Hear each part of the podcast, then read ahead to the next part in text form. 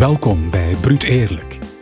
Hoi Heidi, welkom in de Brut Eerlijke podcast. En vandaag gaan we het hebben over de menopauze. En over hoe vrouwen dit beleven, over welk effect dit op het leven van vrouwen kan hebben.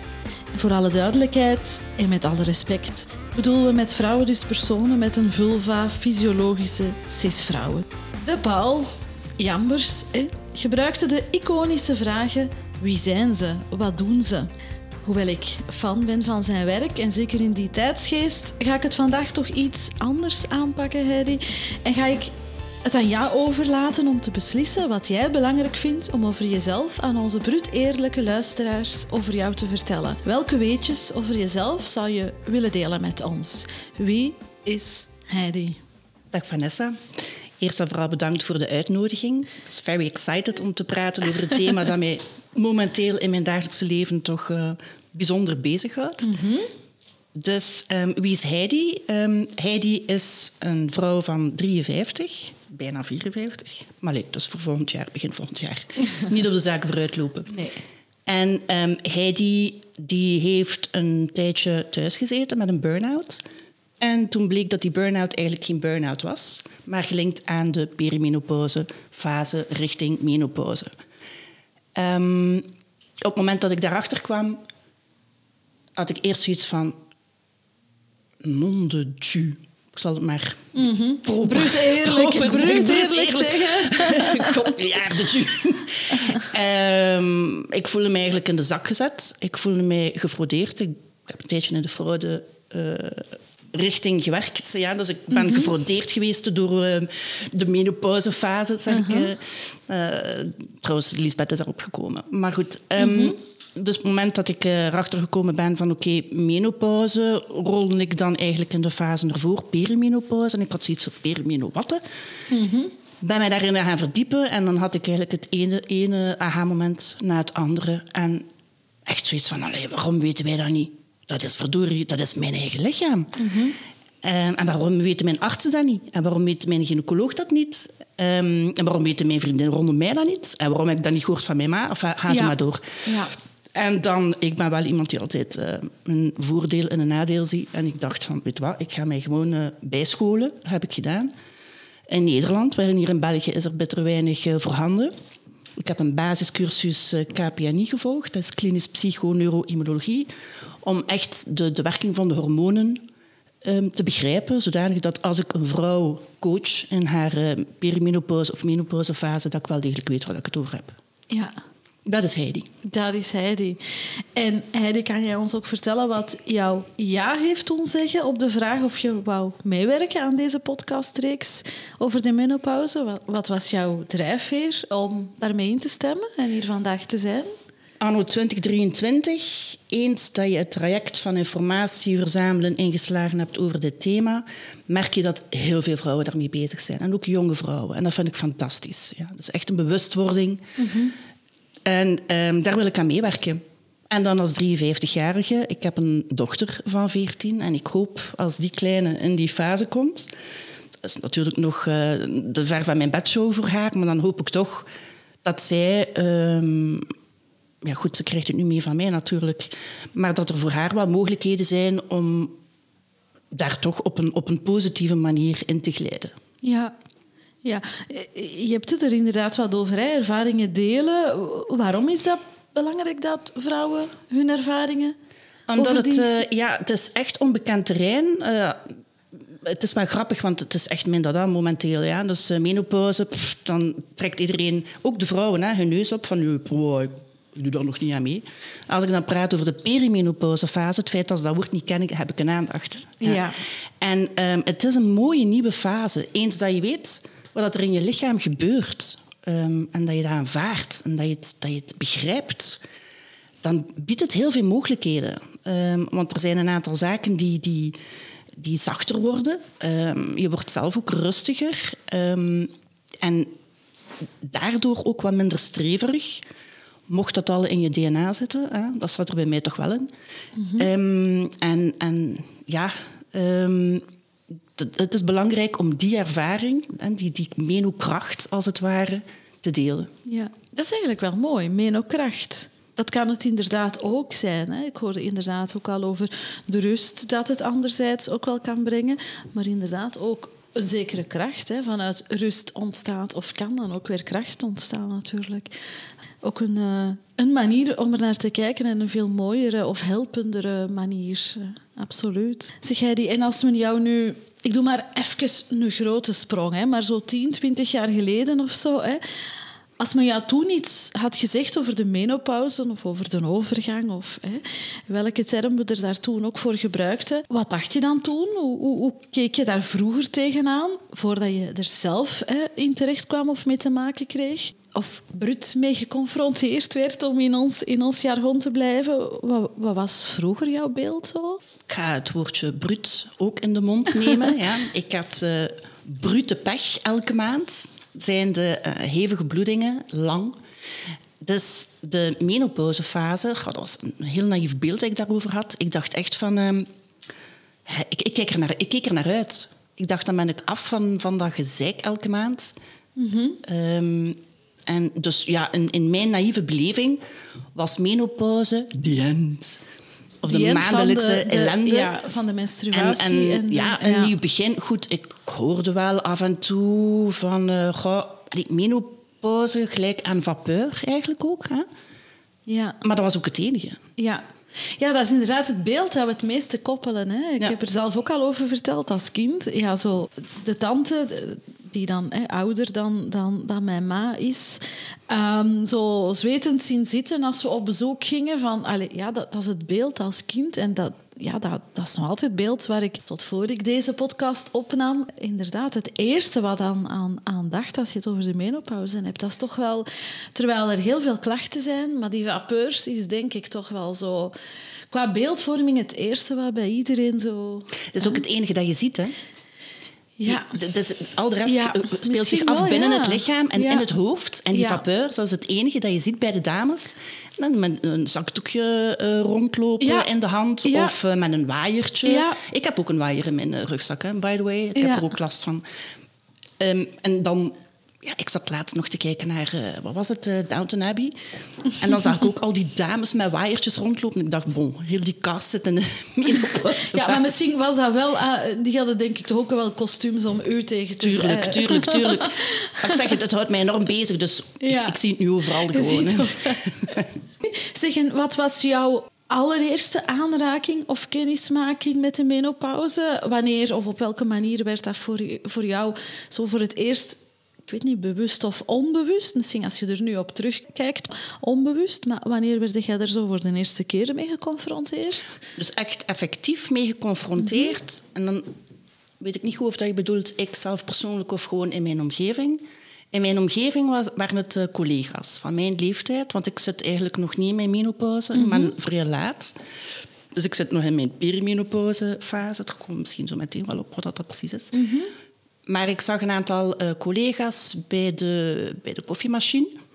En we waren bezig over van, goh, ik word 50, ik word 50, ik word 50. Ah, cool. En dan eh, begon een van die dames spontaan over haar vapeurs. Hè. Ze zag ook redelijk rood op dat moment.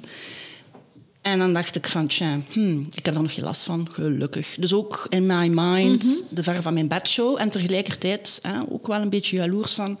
tju, die is er bijna vanaf. Omdat ik nog dat naïeve beeld had Ja. van... eh, wordt gewoon een knop ingedrukt. En ehm, dan ben je een maand stond vrij. Ja, dat is echt mega naïef. Eh, als ik weet wat ik nu weet. Hè. Eh, als je bedoelt, ik persoonlijk... Ja. Ehm, ik kan u dat zelfs zeggen. Dat was 21 januari dit jaar. Kreeg ik een vapeur. My god, echt. Ik dacht, ik heb koorts. Dus eh, ik stond te wapperen eh, met mijn handen en eh, mijn dochter kwam de keuken in en van, wat is het met u? Ik zeg, ga weg. ik heb het lastig, ik heb het warm. Ik had geen koorts en dan dacht ik, oh my god. Dit is Dit is het. het, het begin. Ja. Ja. Ik weet het nog goed, 21 januari. Ja, want ik was aan het koken en ik had zoiets van, allee, de keukendeur stond open. Als ik me niet vergis, was het toen aan het vriezen. Ja, 21 januari, dat zou, dat zou kunnen. Hè? Ja, Dat- dat- echt waar. Eh, ik, ik, pff, afzien. Ja, Ja. ja. mijn compagnon de Roet, je kent ze wel, Lisbeth, heeft mij geleerd dat we eigenlijk de menopauze als een soort proces moeten zien. Je had het er net ook al wat over, een proces van verschillende fases, een soort transformatie. Heb jij een idee of een aanvoelen in welke fase dan zo, op, op, op welk plekje van die weg, op welk plekje in, in dat proces dat jij je momenteel wat, wat bevindt? Ik gebruik graag metaforen en ik weet niet of dat je de film kent, Mr. Bean op vakantie. Mr. Bean ken ik, maar op vakantie Nee, heb ik niet er is dan een bepaalde scène dan en hij zit in een auto en hij, iemand steekt de middelvinger op naar hem. En hij denkt, oh, dat is typisch iets Amerikaans, want hij rijdt in Amerika. Dus hij steekt ook de hele tijd zijn vinger, middelvinger op naar Ja? iedereen. En lacht daarbij zijn lach van... Zo voel ik mij nu. In die fase zit ik. En dat is een hele fijne fase. Want de fase ervoor, de perimenopauze-fase, als je je hormonen helemaal de pan uitswingen en je weet bij God niet wat er met jou aan de hand is, ik zweer het je, het is maandstonde 2.0. hè. Het is, het is, je weet echt niet wat er aan de hand is met je. Ehm, ik zelf heb zeker vier jaar rondgelopen als eh, Laura Croft. Ja, ik, ik had gewoon zin om iedereen op zijn smoel te slaan. Maar het is geen fijn gevoel, hè, maar je moet het de hele tijd onderdrukken. Ja. Eh, ik heb er zelfs met mijn gynaecoloog Ik over bedenk gesproken. mij net dat ik gewoon heel mijn leven zo aan rondloop. Ah, wel, hormonencheck. Pas op, eh, ik, ik ben zelf Ik ook vrij... dokter. eh, ja, maar why, Ja? why not? Hè? Het Ja. kan zijn dat je een, een eh, oestrogeen eh, too much hebt en te high level of zo. Ja, dat had ik ook, zonder het te weten. Enfin, bon, dus ik heb dat ook met mijn gynaecoloog besproken. Van, Ja. Ik weet niet wat er met mij aan de hand is, maar dat wordt precies alleen maar erger. Ik ben echt een bitch in mijn hoofd. Dat is niet te doen. En... maar ja, ook zij vond dat bijzonder grappig. Ja, heeft dat wel genoteerd in het Ja, dossier, ja, maar verder ja. niks. Ehm, tot wanneer ik dus eh, in die, in die burn-out zogezegd kwam. Dat was 6 januari. En ik had zoiets van, ik, oh, pff, ik kan niet meer, echt. Eh, nee, als ik nu naar mijn werk ga, dat, dat komt niet goed. De- Maar je gynaecoloog, voor alle duidelijkheid, je vertelt jouw verhaal en Niks. maakt geen connotatie met... Oh, misschien... Ga, weet je, eh, wat ik merk is... ehm, bij mijn arts en bij mijn gynaecologen, pas op, die zijn nu allemaal mee in mijn verhaal. Die vinden het bijzonder interessant. Ehm, maar ook zij, ja, ze kunnen er niet aan doen, want ze krijgen het niet mee eh, tijdens een opleiding. Ja, klopt. Ja. Maar zolang dat jij als vrouw regelmatig menstrueert, en dat was in mijn geval zo, ehm, zit jij nog niet in De een volle- fase ja. richting einde. Ja? Ja. Maar dat is helemaal niet juist, dat klopt niet. En dat is jammer. Ja? En dan wordt er, er is één huisarts, want ze zijn met drie, die wel zoiets had van, tja, dat klinkt toch... Maar dat is waarschijnlijk omdat hij vrouw ook in die fase zit. Dat hij zoiets had van, dan eens je bloed checken in welke menopauze, weet ik veel wat fase jij zit. En daar kwam niks uit. Maar dat is een standaard bloedonderzoek. Ja, als je naar een andere soort arts gaat, een orthomoleculaire arts, waar ik dan naartoe gegaan ben uiteindelijk, die gaan veel dieper gaan kijken. Die nemen een totaal ander bloedbeeld. En ehm, in dat bloedbeeld kunnen zij duidelijk zien van zoveel oestrogeen procent heb je, zoveel progesteron procent heb je, zoveel cortisol heb je. En afhankelijk daarvan kunnen zij dan ook, of schrijven zij dan ook eh, supplementen voor. En dat is mijn redding geweest. Ja, dat is eh, Ja. een bio-eigen trouwens. Maar daar komen we misschien straks nog Ja. op terug. Dus in welke fase ik nu zit, om toch nog eens kort eh, te antwoorden. Eigenlijk in een zeer stabiele, rustige fase. Een beetje een eh, je m'en fous fase. Maar toch gedreven genoeg om ehm, dit op te pikken. Hè. Ja. Onder andere eh, ook op mijn werk veel rustiger. Ehm, en dat is fijn. Dat is een fijn gevoel. Op welke manier voel, voelde jij dan nu pakweg... Ja, anders dan pakweg tien jaar geleden of zo? Ja, zoals ik eh, al een paar keer ja. aangenaam, rustig. Ja. Ehm, ik hoef niet per se meer mij te bewijzen. Ja, Ik. Mhm. ga dat vooral naar mezelf toe. Hè. Ehm, gelukkig. Stel je voor dat je nog eens bezig bent met anderen, ja, dan pff, blijf je rondlopen. Ja. Ehm, dus het, het, het is een beetje moeilijk te... Hmm, aan het zoeken naar een voorbeeld. Ehm, ik ga het misschien anders zeggen. Dus ook uw libido is anders. En laten we zeggen dat ik ben iemand die vrij snel geïnteresseerd is in mensen en wow, zo om de tien minuten verliefd wordt op iets of iemand. Ehm, maar ik ben ook vrij verlegen van aard. Ehm, dus dat gaf toch wel spanning. Hè, van oeh, oh, iets leuks. Oei, kijk naar mij. Shit. Oh, en dan weer stoppen. Ja. Eh, en nu, nu is het ook, ook dat is rustiger. Ehm, omdat uw libido anders is, denk ik. Ah, ik denk tien jaar geleden was het toch nog in de productie van kinderen eventueel. Ik kan nu maar gewoon bruut zijn. Hè? Mhm, Buiten nu is het voor mijzelf. Ja. Ja? Ik ga geen kind meer op de wereld zetten. Oh my god, moet er niet aan denken. Wat was zo voor jou het meest verrassende in heel die beleving van die menopauze? Waar waren je het minste op voorbereid? Wat, wat, wat, wat was echt het meest ontwrichtende, het meest onprettige? Het hele verhaal. Het hele verhaal dat, dat, dat ik niet kende. De perimenopausefase. Het onbekende Het dan onbekende, eigenlijk. dat vond ik, dat vond ik, vind ik nog mij steeds verschrikkelijk. Ja. Had ik het geweten, Wat dan? had ik waarschijnlijk veel sneller een, een juiste, een correcte eh, hormoonsupplement gekregen. Met de nodige aanvullingen van omega-3, et cetera. Ehm, en dan had ik in ieder geval die, die, die fase van ingehouden eh, frustratie en woede en onzekerheid eigenlijk ook vooral niet zo heavy meegemaakt. Ja. En dan misschien wel uit om, ja, aard van beestje. Hè. Ik ben nu eenmaal iemand die vrij actief is en vrij expressief en zo. Dus. Maar daar zou misschien een klein laagje, een klein suikerlaagje overheen gekomen zijn dan, dankzij die, eh, de correcte behandeling. Ja.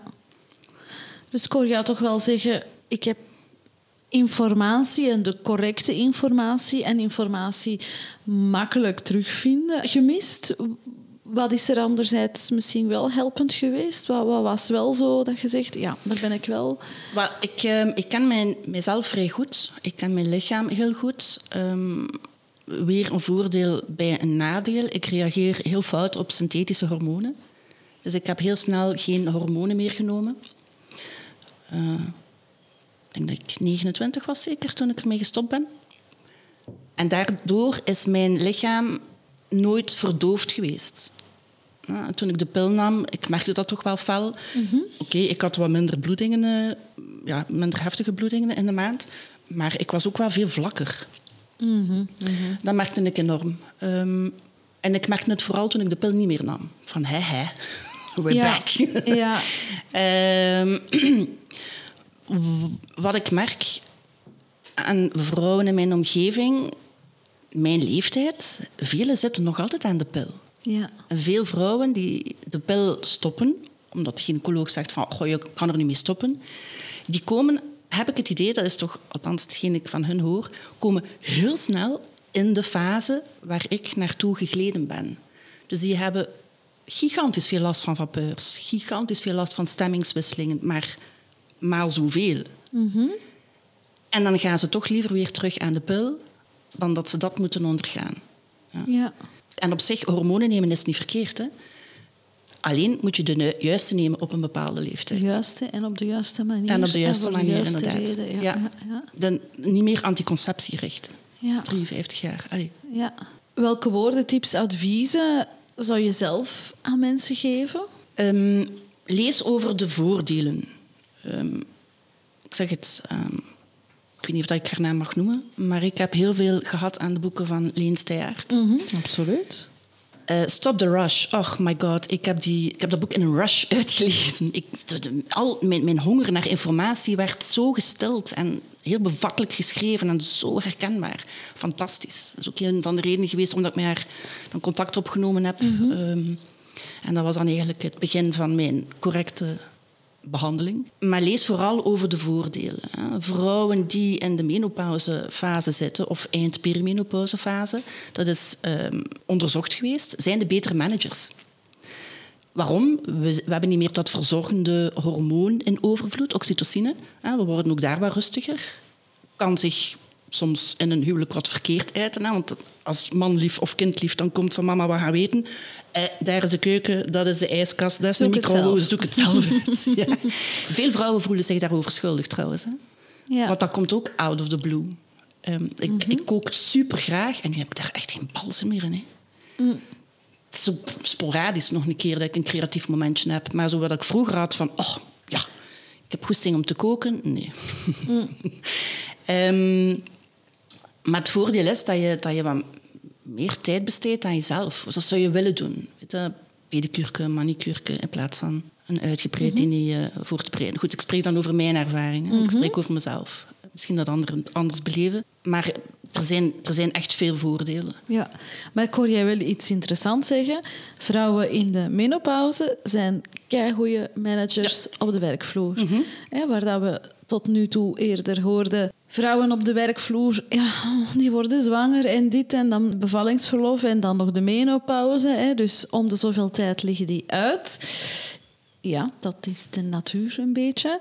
Maar nu zeg je, ja, ja, maar daar tegenover staat... Eens in de menopauze zijn dat eigenlijk de meest geweldige managers. Ja, je wil meer coachen, je wil meer je ervaring delen. Je hebt dan toch de feminine touch, hè? toch wat zachter, wat people management skills. Ehm, je hebt niet dat streverige wat mannen dan toch eerder wel hebben. En ook door hun hormonen. Want het is gewoon eh, zoals zij in elkaar zitten. Ehm, dus je, je, je bent beter in staat, ook omdat die last wat van je schouders valt, van het verzorgen. Het zorgen voor, ik moet op tijd naar huis zijn, ik moet zien dat iedereen daar tevreden is. Dat valt wat weg. Ehm, en daardoor kan je je toch wat beter richten of meer focussen op, op je team Ja. en op je, op je job. Pas op, het is wel belangrijk dat vrouwen in die leeftijd en in die fase, dus de menopauze of eind-perimenopausefase, dat die ook wel daar wat erkenning rond krijgen. Pas dan voelen ze zich rustig en, en gezien, Ja. begrepen. Ja, dus we, die vragen meestal geen oplossing hoor, maar gewoon van, ah, oké, ja. ik zit in die fase, moet er even door, maar ik ben niet gek en ehm, het komt wel Ja. goed. Dus ik hoorde eerst informeren, volgende stap erkennen. En dan, oké, dan, dan zijn we er. Dan kunnen we eigenlijk wel, zoals je het zei, mooie, krachtige dingen gaan doen.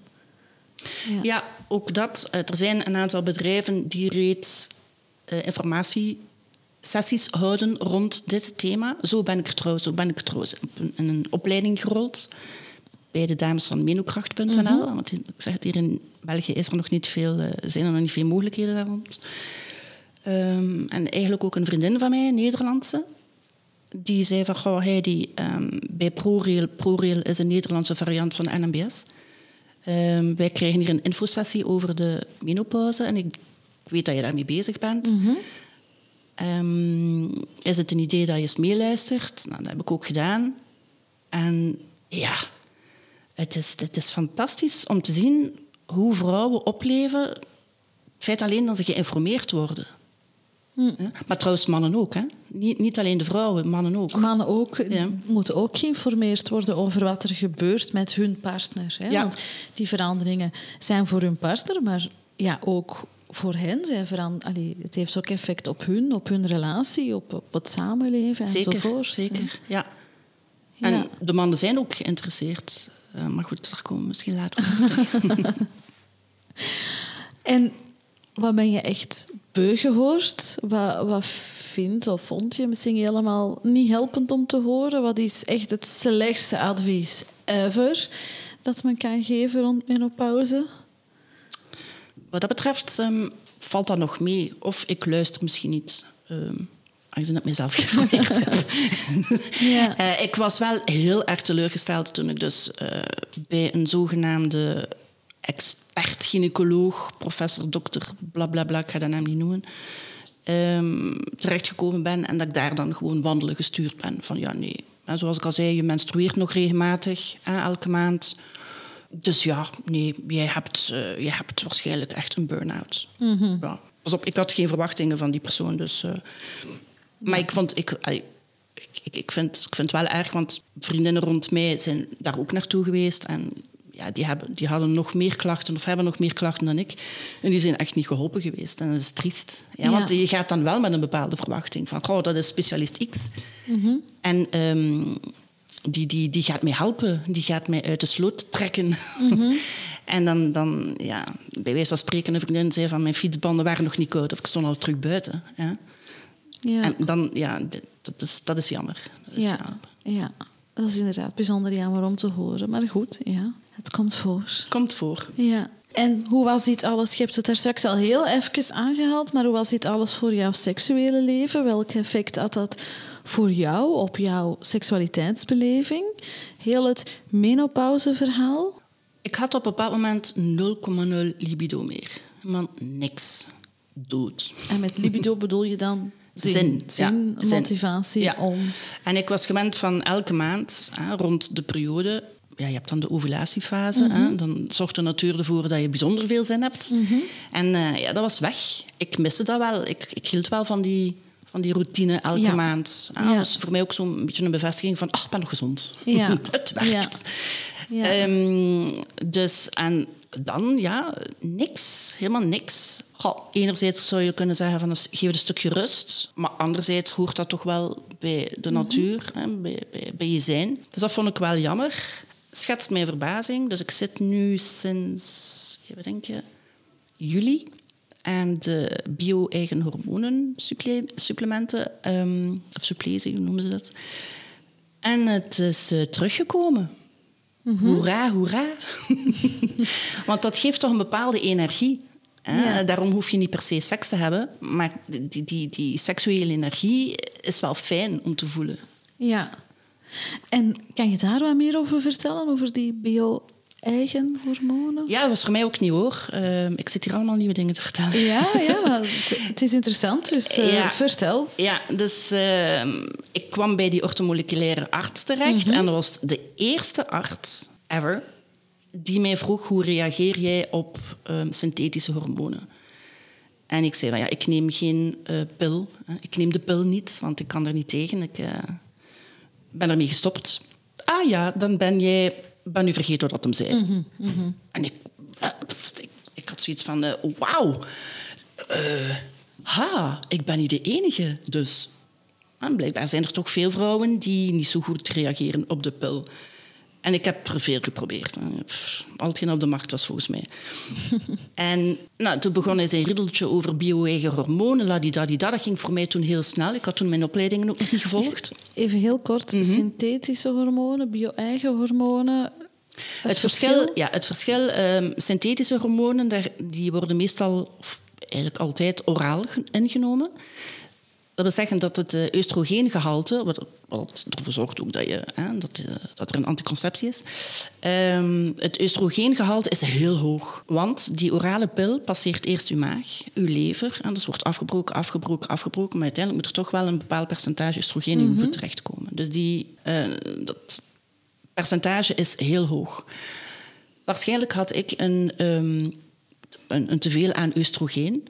Dus als je dan nog eens extra oestrogeen inneemt in, oraal in die, in die hoge, eh, hoe zeg je dat? Ehm, En die hoge dosis. Dosis, ja. dank je. Ja. Ik kon op het woordje dosis niet komen. Dat is trouwens ook een van de kenmerken van eh, menopauze. Hè? Je Ja. kan niet op woord komen. Bon, dank je wel.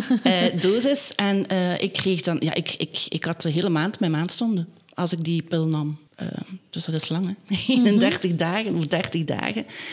Met een korte periode ertussen dan het- dat ik eh, geen eh, bloedingen had. Maar daarna begon het terug. Dus ik heb ook een paar keer bloedarmoede gehad daardoor. Ehm, maar ja, nogmaals, mijn kennis over, over hormonen, et cetera. Ik denk bij standaard bij de vrouw. Hè, je krijgt de pil voorgeschreven, denk daar verder niet over na. Je slikt dat, hè, want je hebt geen zin in tien kinderen. En bio-eigen hormonen, dan wordt er effectief afgestemd op, ehm, aan de hand van die uitgebreide Ja. bloedanalyse. wordt er afgestemd van, oké, je hebt zoveel ehm oestrogeen nodig. Bio-eigen oestrogeen wordt via een gel op je arm eh, gespoten of met een patch.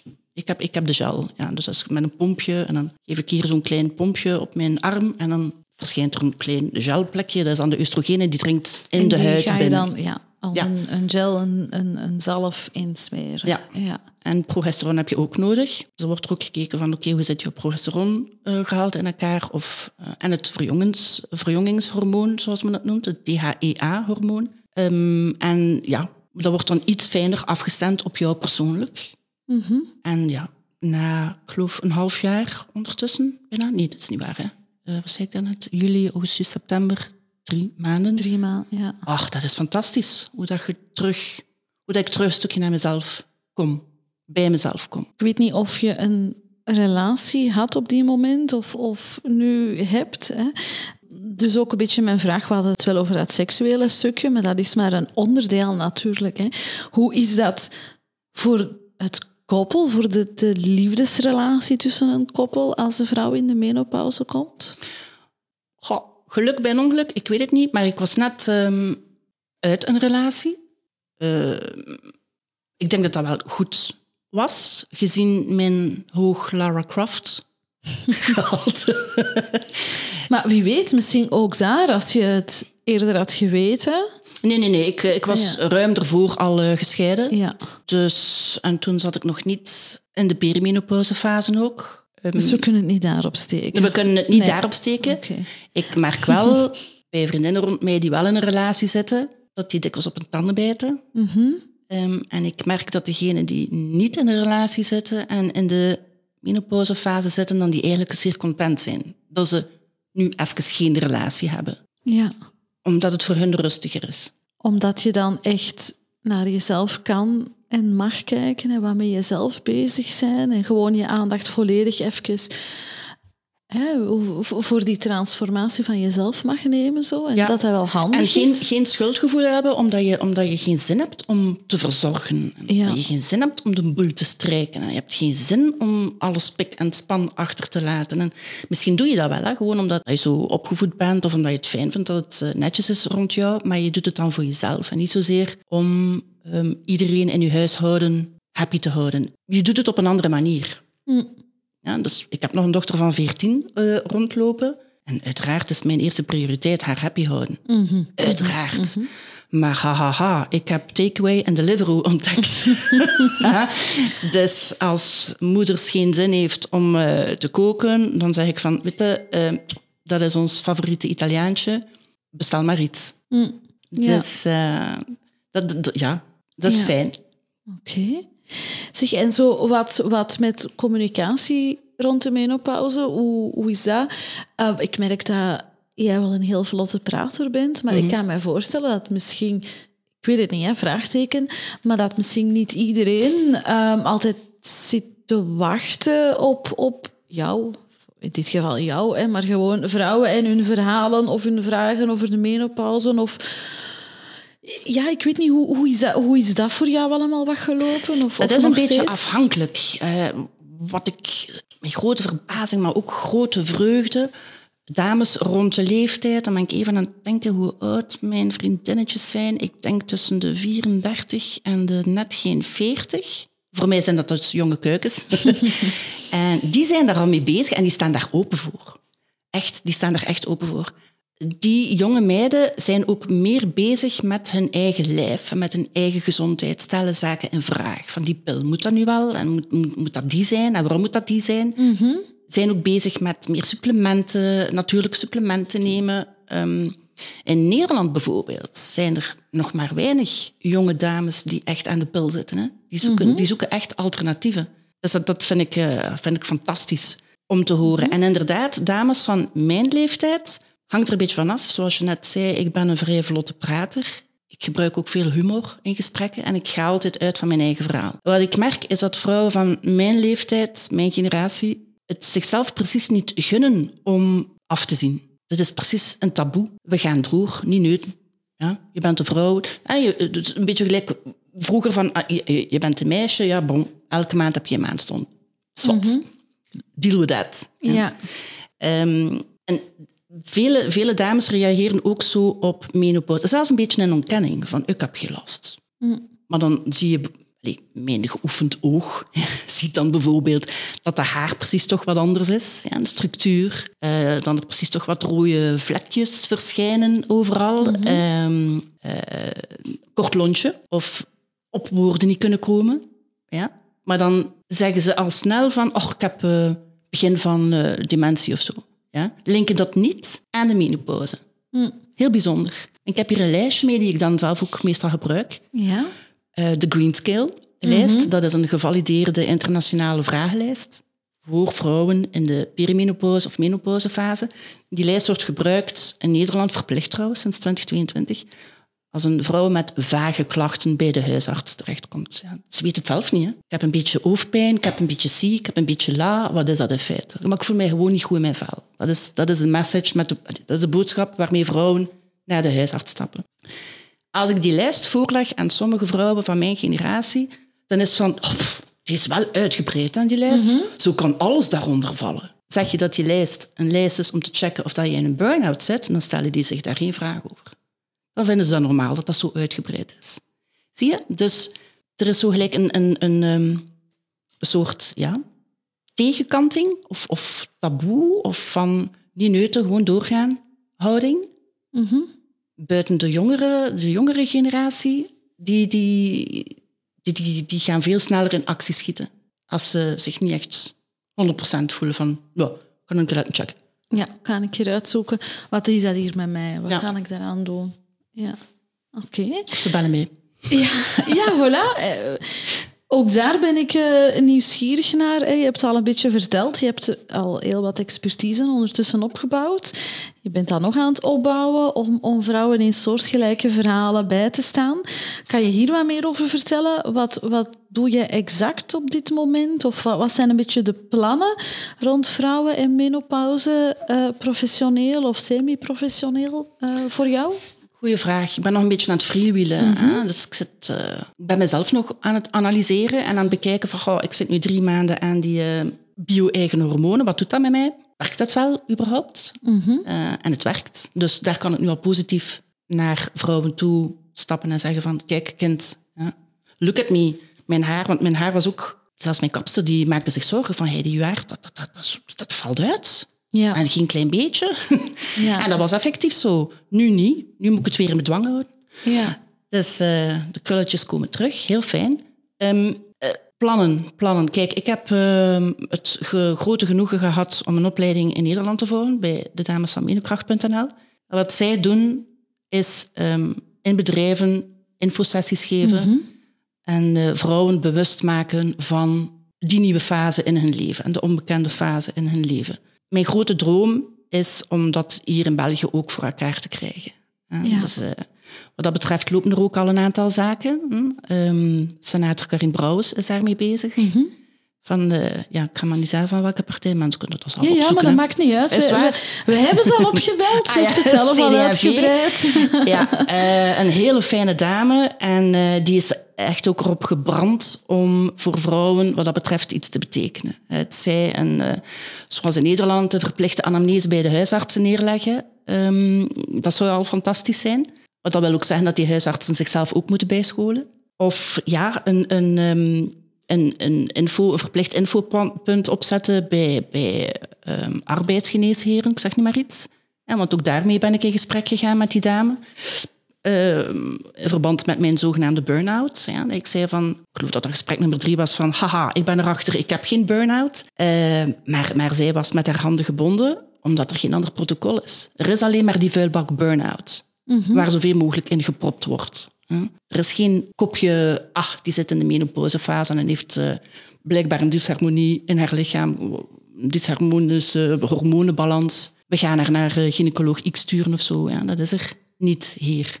En dat is er in Nederland ondertussen wel. Hè. Dus in Nederland heb je verpleegkundigen die opgeleid worden, specifiek over dit thema. Dus dan kan je um, eerst bij die verpleegkundige terecht, want in Nederland zit het uh, uh, systeem iets anders in elkaar dan in België. Ik heb er trouwens gewoon, dus ik spreek ook uit ervaring. Mm -hmm. Huisartsen krijgen 10 minuten om een anamnese uh, uit te voeren. En daarna, ja, bon, dat zit. Dan wordt het een kostelijke zaak. Dus is het wel fijn dat je eerst naar die verpleegster of verpleger, wat mij betreft, kan. Um, ik geloof dat een intake 45 minuten is. En daarna worden, ze, worden de vrouwen doorverwezen. In Luik, weet ik ondertussen, is er een um, gynaecologisch centrum.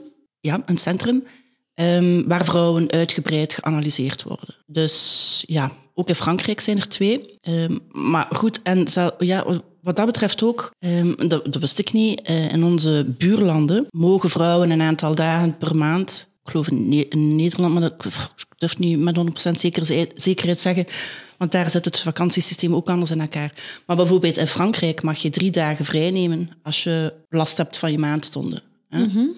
um, als ik het zo hoor hier in, in, in de scholen in België, eh, waar ook, allee, waar, waar het, ik, ik noem dat streng plasbeleid nog is. ja. Mhm. Die Ehm, alleen mag naar het toilet gaan tijdens de ja, Ja. speeltijd of hè, pauze. Ja, maar goed, als jij, als, jij, als jij maandstonden hebt als meisje ja, en opeens is daar eh, een, een grote vloed, ja, dan moet je gewoon naar het toilet om, om, om eh, ja, je, je maatverband te veranderen of whatever dat het eh, meisje dat op dat moment gebruikt.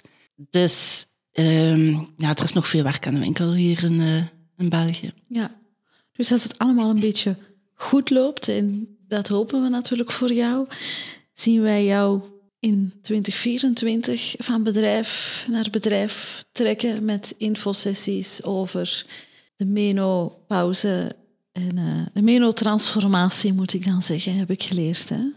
Menotransformatie, ja. En nogmaals, eh, ik vind de perimenopauze informatie belangrijker. Hè, want die begint vrij vroeg, rond je veertigste. En als je, ja, oh, het heeft ook een voordeel hè, om laat in je menopauze eh, te zitten.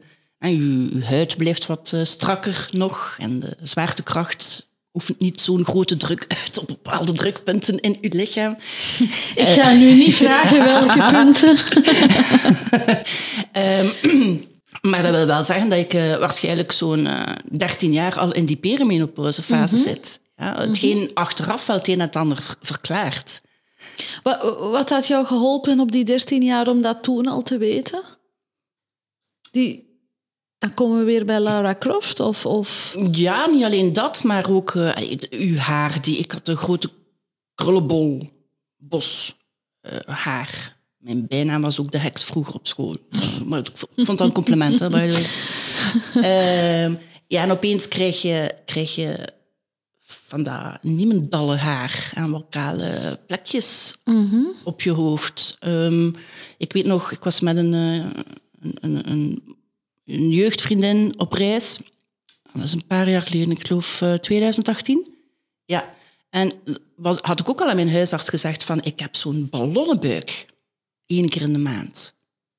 Dus niet een beetje opzwellen, maar echt een ballonnenbuik. Gewoon een grote ballon.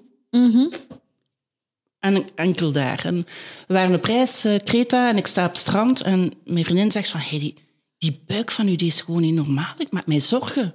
Heb je dat eens laten controleren? Ik zeg, ja, kolos, eh, hoe noemt dat? Coloscopie, Dank je ja. wel. Eh, gedaan. En bij de huisarts. En gaf pilletje hier, pilletje daar. Eh, maar niets hielp. Ehm, maar ook dat heeft te maken met het feit dat je oestrogeen niet in balans is. Ehm, oestrogeen zoekt een plekje dan in de cellen in je lichaam en dat zet zich dan op de buik. En in mijn geval echt een opgeblazen... Ja, ik, was, ik was net vier maanden zwanger, precies.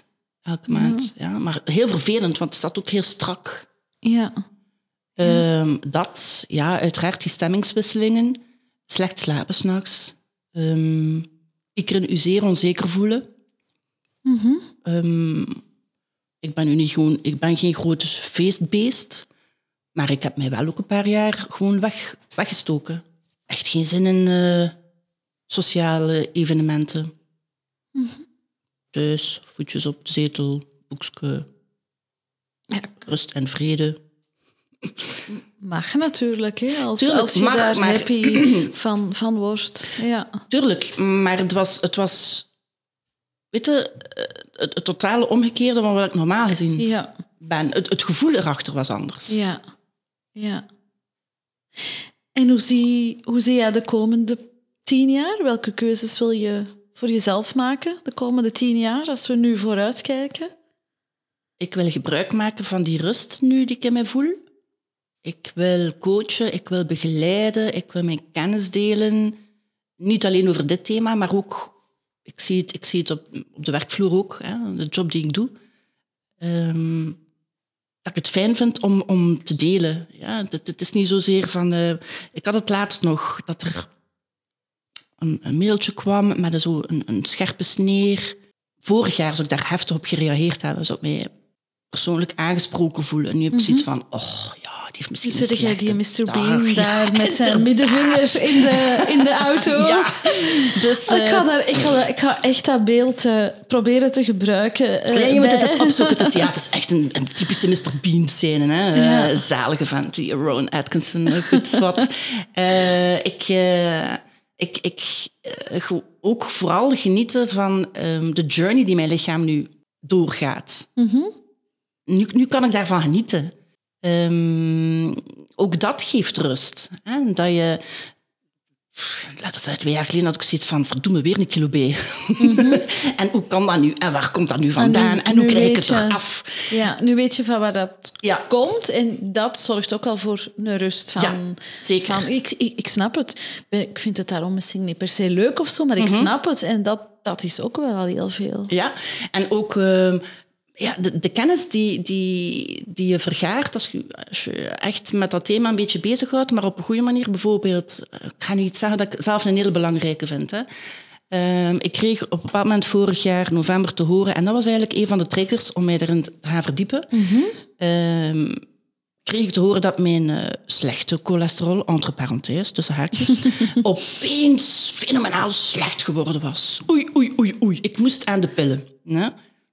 Ik reed naar huis en ik heb zoiets van, ja, voilà. Het af, de aftakeling is begonnen. Ja. dus ik, ik moet aan de pillen. Braaf die pillen gehaald. Maar omdat ik toch al wat bezig was met het thema, dacht ik van, weet je, bij wijze van uitzondering ga ik nu wel eens die bijsluiter lezen. Ja, dus ik lees die bijsluiter. Pas op. Daar staat dan op een bepaald moment, indien u aan volgende aandoeningen lijdt, ja, dient u contact op te nemen met uw huisarts. Ik kijk, nieuwsgierig. En ik vind het nu jammer dat ik het niet mee heb.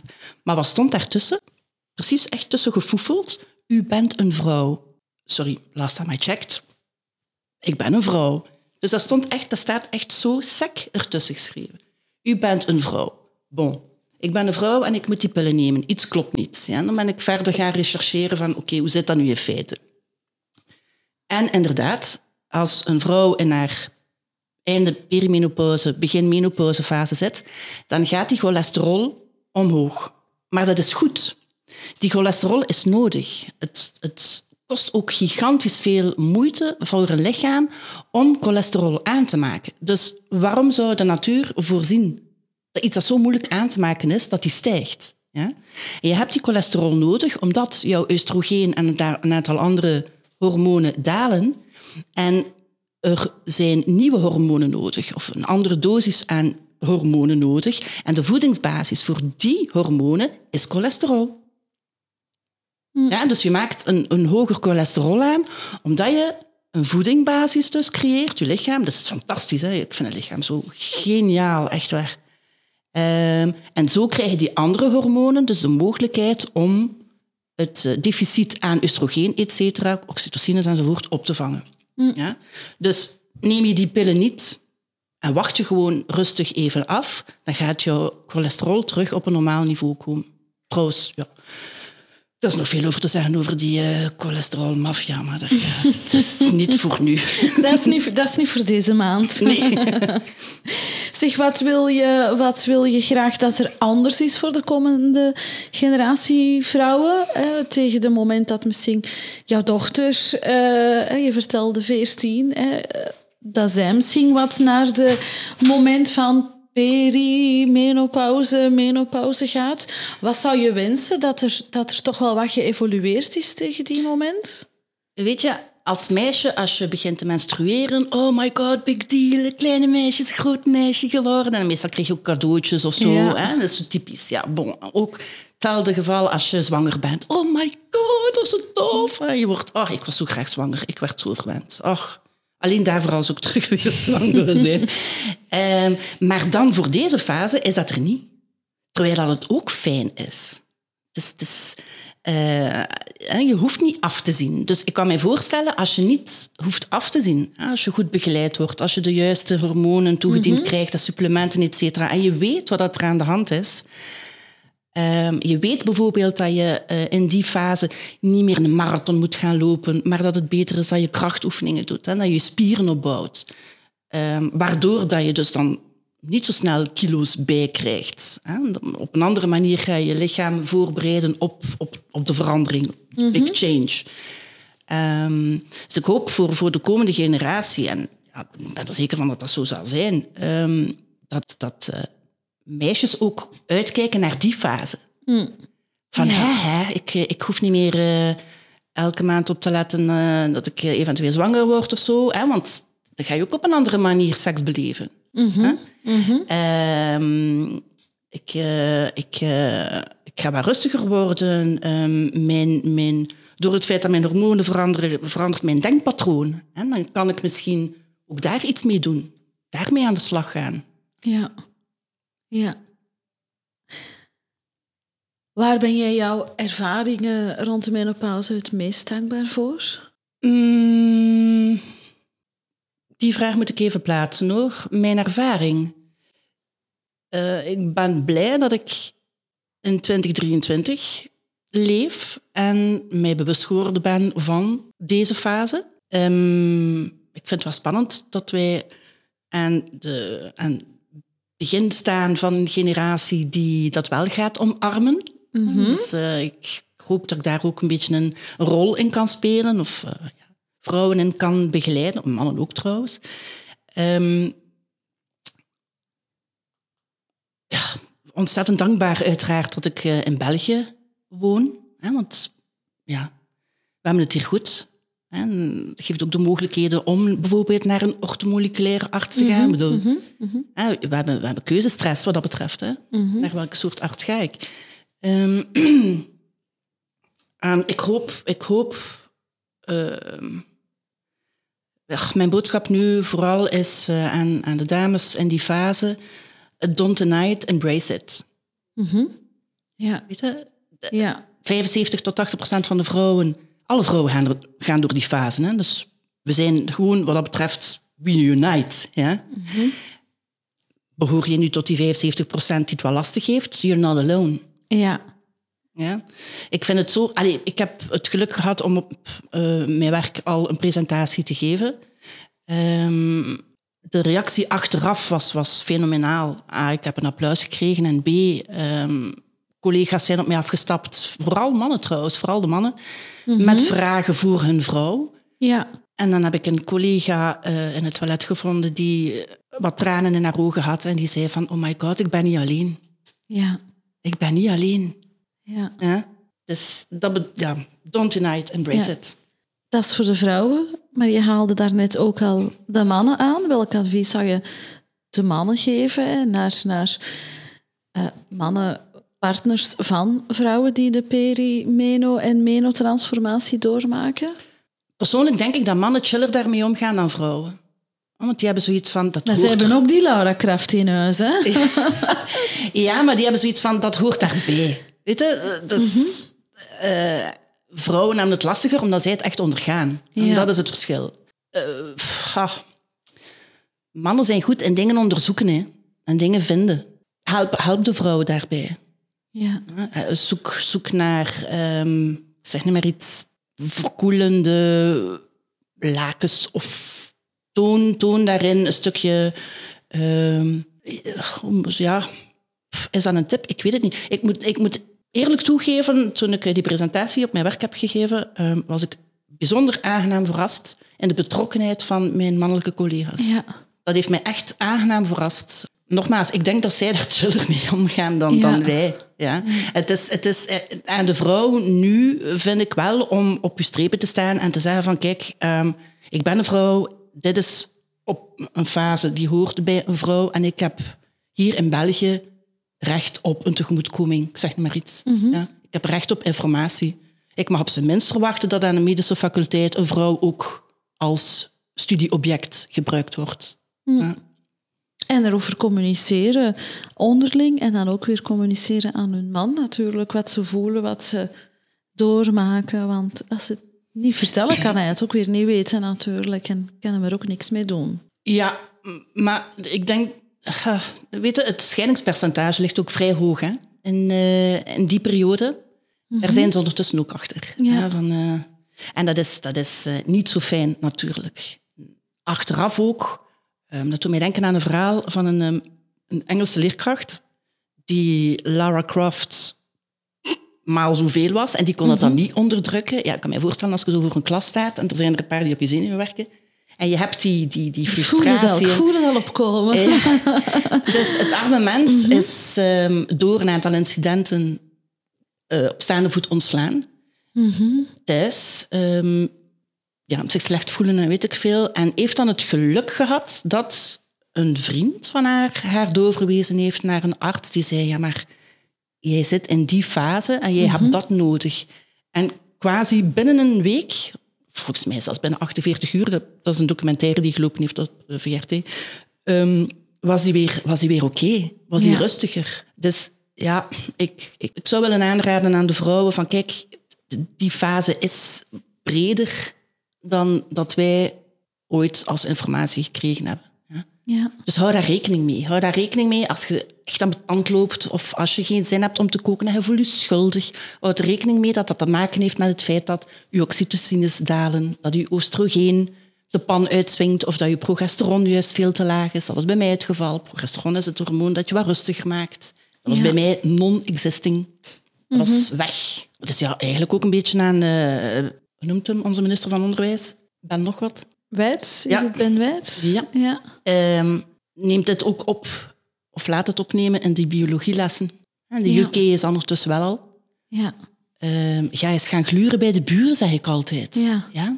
Ja. Die, die staan al een stukje verder. Dus ga niet hier weer lopen onderzoeken of geld pompen in allerlei onderzoekjes van goh, hoe gaat dat nu eigenlijk met de vrouw? Die kennis is er al. Dus eh, start gewoon met een, met een goede anamnese bij de huisarts. Eh, zorg ervoor dat eh, in de medische faculteiten de vrouw als studieobject ook opgenomen wordt.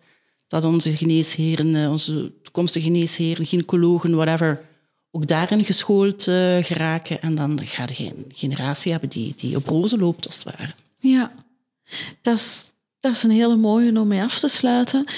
Ik weet niet, Heidi, of er nog iets is wat ik jou vandaag misschien nog niet gevraagd heb en waarvan je zegt, dat wil ik absoluut nog meegeven aan onze bruteerlijke luisteraars over menopauze. Of denk je dat je alles hebt kunnen vertellen? Als ik nog een, een, kleine aanvulling mag geven. Absoluut. ehm, er bestaan ook veel alternatieven.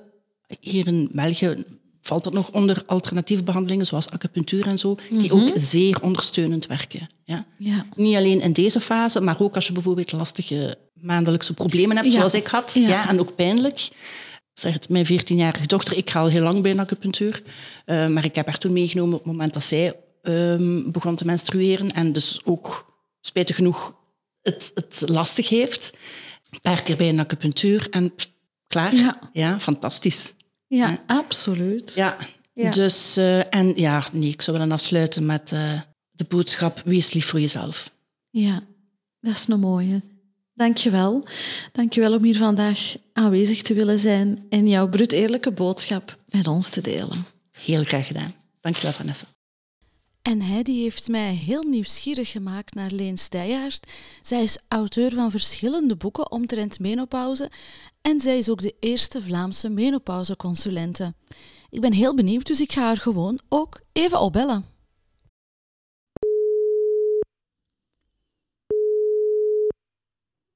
Hallo met Leen Steijaert. Hallo, dag Leen. Vanessa hier. Goeiedag. Hallo, Leen. Ik heb een aantal eh, vragen voor jou, want ik ben super benieuwd. Want jij bent verpleegkundige, hebt ook al meer dan 25 jaar ervaring in de complementaire en natuurgeneeskunde. Je, je specialiseerde jezelf als nutrioniste aan het Vlaams Instituut voor Orthomoleculaire, orthomoleculaire oei, dat is wel een heel moeilijk woord, wetenschappen. En jij bent ook de eerste Vlaamse menopauzeconsulente. Je bent al 15 jaar aan het ijveren om het thema, het onderwerp menopauze op de kaart te zetten. En hebt ondertussen ook jouw zesde boek uit. Je schreef achtereenvolgens Stralend door de menopauze, Oerritme, jouw menopauzeplan, in zes stappen stralend door de overgang, over borsten, koester je boezem en hou je bo- boezem mooi en gezond. En dit jaar ook menokilo's. Hè? Dus heel veel geschreven over de menopauze de voorbije jaren. Vandaar een beetje mijn, mijn vraag van, van waar de idee en de, de motivatie om een boek en dan later nog veel volgende boeken over de menopauze en alles eromheen te schrijven. Van waar die motivatie en, en wat wil je of wou je, wil je nog steeds daar graag mee bereiken? Ik, uh, ik had toen eigenlijk al mijn eigen praktijk, toen ik zelf in de menopauze kwam, eigenlijk al zeer vroeg, op 6, 47, kwamen die klachten. Uh, en ik heb mij daar ook meer en meer in gaan verdiepen. En heel toevallig uh, heeft een uitgeverij ook gevraagd: Ja, jij ziet via vrouwen met menopauze. In België bestaat er nog geen goede boek over de menopauze. Wil je daar een boek rond schrijven? En zo komt het dat ik daarmee begonnen ben en dat ik mij er nog meer en meer en meer in heb laten zinken. Uh, en dat ik eigenlijk uh, mij daar een beetje in heb kunnen profileren. Dat ik uh, toch een, een, passie van mij was om eigenlijk mensen te helpen die in die overgang zaten en om die informatie te kunnen verspreiden. Nu, de grootste groep vrouwen zit nu in de menopauze en dat is ongezien dat wij nog zo lang leven en zo lang uh, zonder onze hormonen moeten zitten. Dus kunt u voorstellen dat er toch heel wat uh, klachten kunnen zijn bij vrouwen. Mm-hmm. Die uh, niet alleen aan die overgang te maken hebben, maar ook later aandoeningen die kunnen ontstaan of versterkt worden door het tekort eigenlijk aan die vrouwelijke hormonen. Ja, ja. Nu, je zegt het zelf ook, hè? je bent al heel veel jaren uh, aan het ijveren om dat uh, onderwerp op de kaart te zetten, maar ook om mensen juist te informeren, te sensibiliseren. Heel kort geleden, um, dankzij Gwendolyn Rutte, die over haar eigen ervaring spreekt, hè, is het uh, onderwerp ineens een beetje gaan boomen en is er heel veel aandacht voor, wat natuurlijk heel leuk en heel positief is.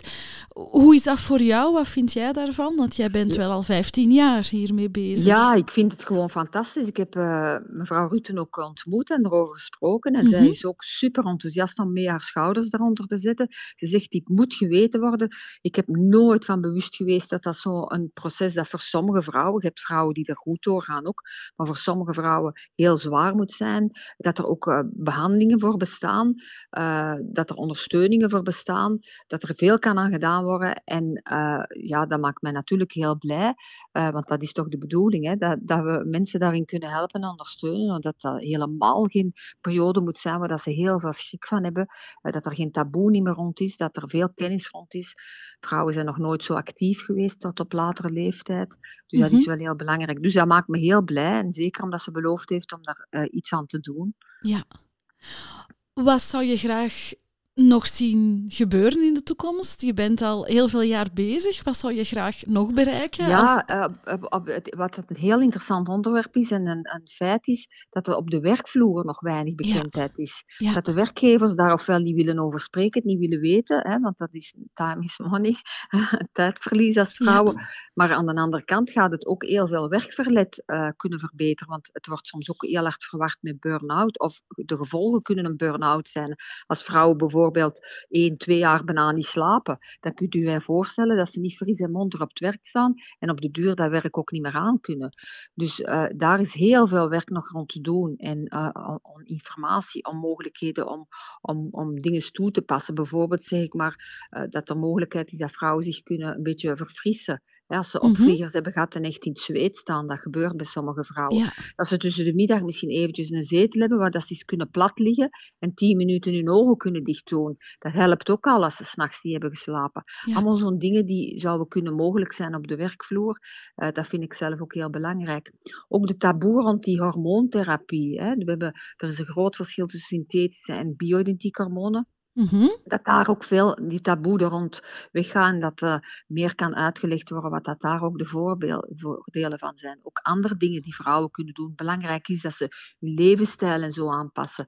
Dat zijn items en onderwerpen die toch nog uh, sterk moeten uh, benadrukt worden, dat dat de mogelijkheden zijn die kunnen bewerkstelligen dat de menopauze smoothly eigenlijk verloopt. Ja, ik hoor jou zeggen naar de vrouwen toe, naar de werkgevers toe. Heb jij ook zo een zicht op wat naar de partners toe? Want ja, zij, zij zitten in een relatie met iemand die die menotransformatie doormaakt. Hè.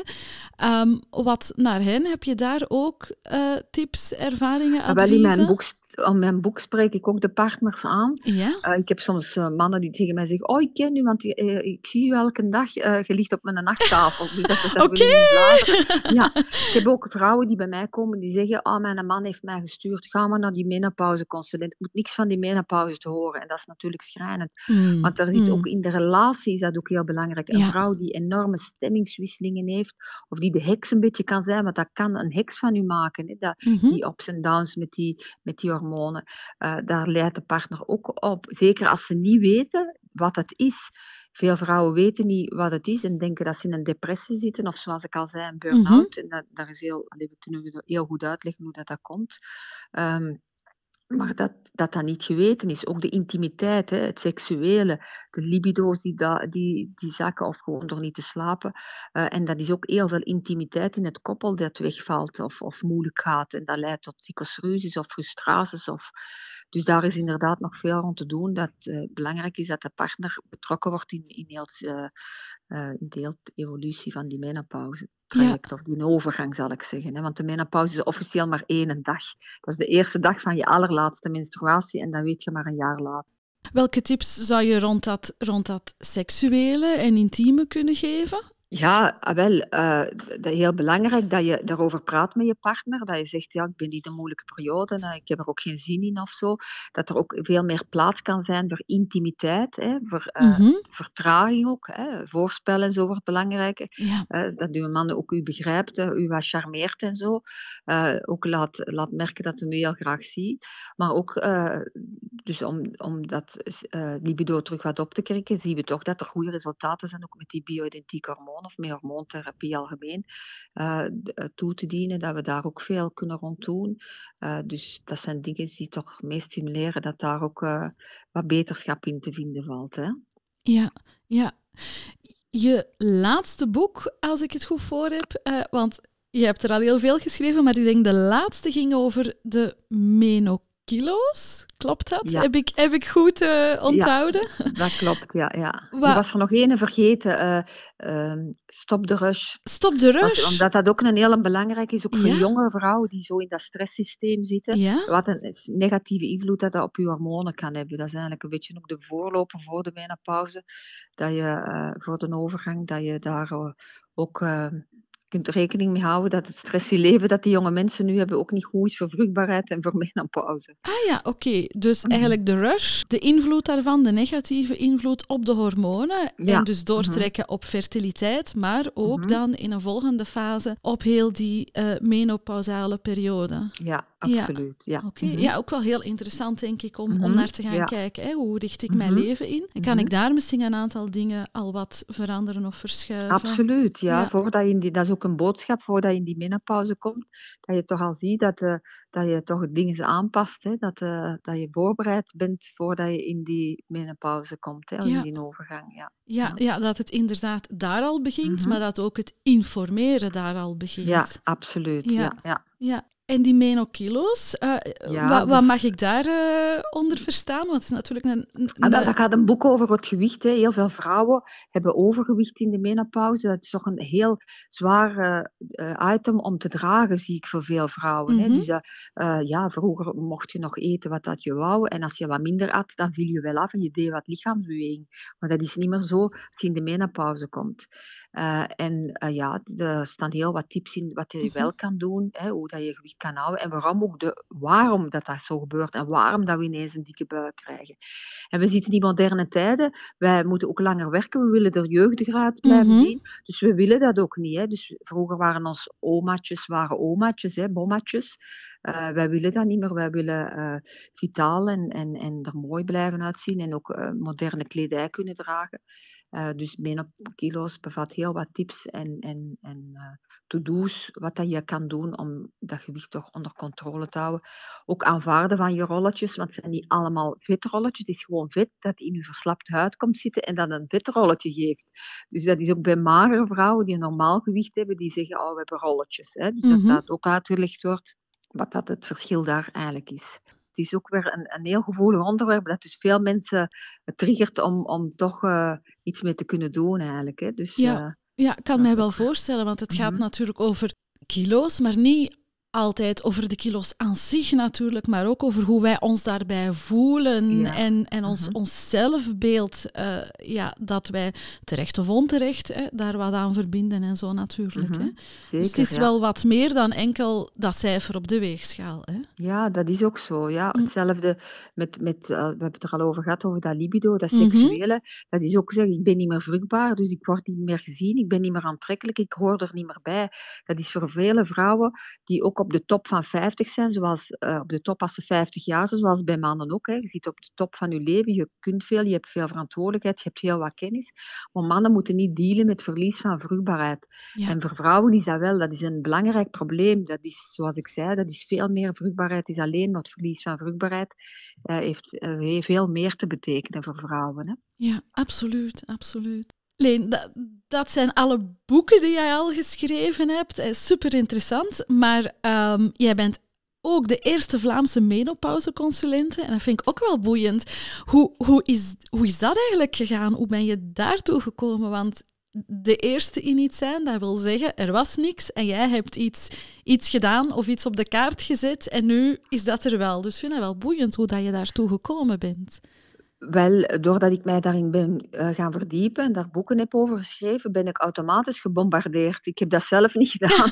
dat is automatisch, is men dat gaan zeggen in, in, de, in de pers, in interviews. In, in, het is in het nieuws geweest, de eerste Vlaamse menopauzeconsulent. Dat bestond mm -hmm. hier in België nog niet. In Nederland bestaan er overgangsconsulenten. Ja.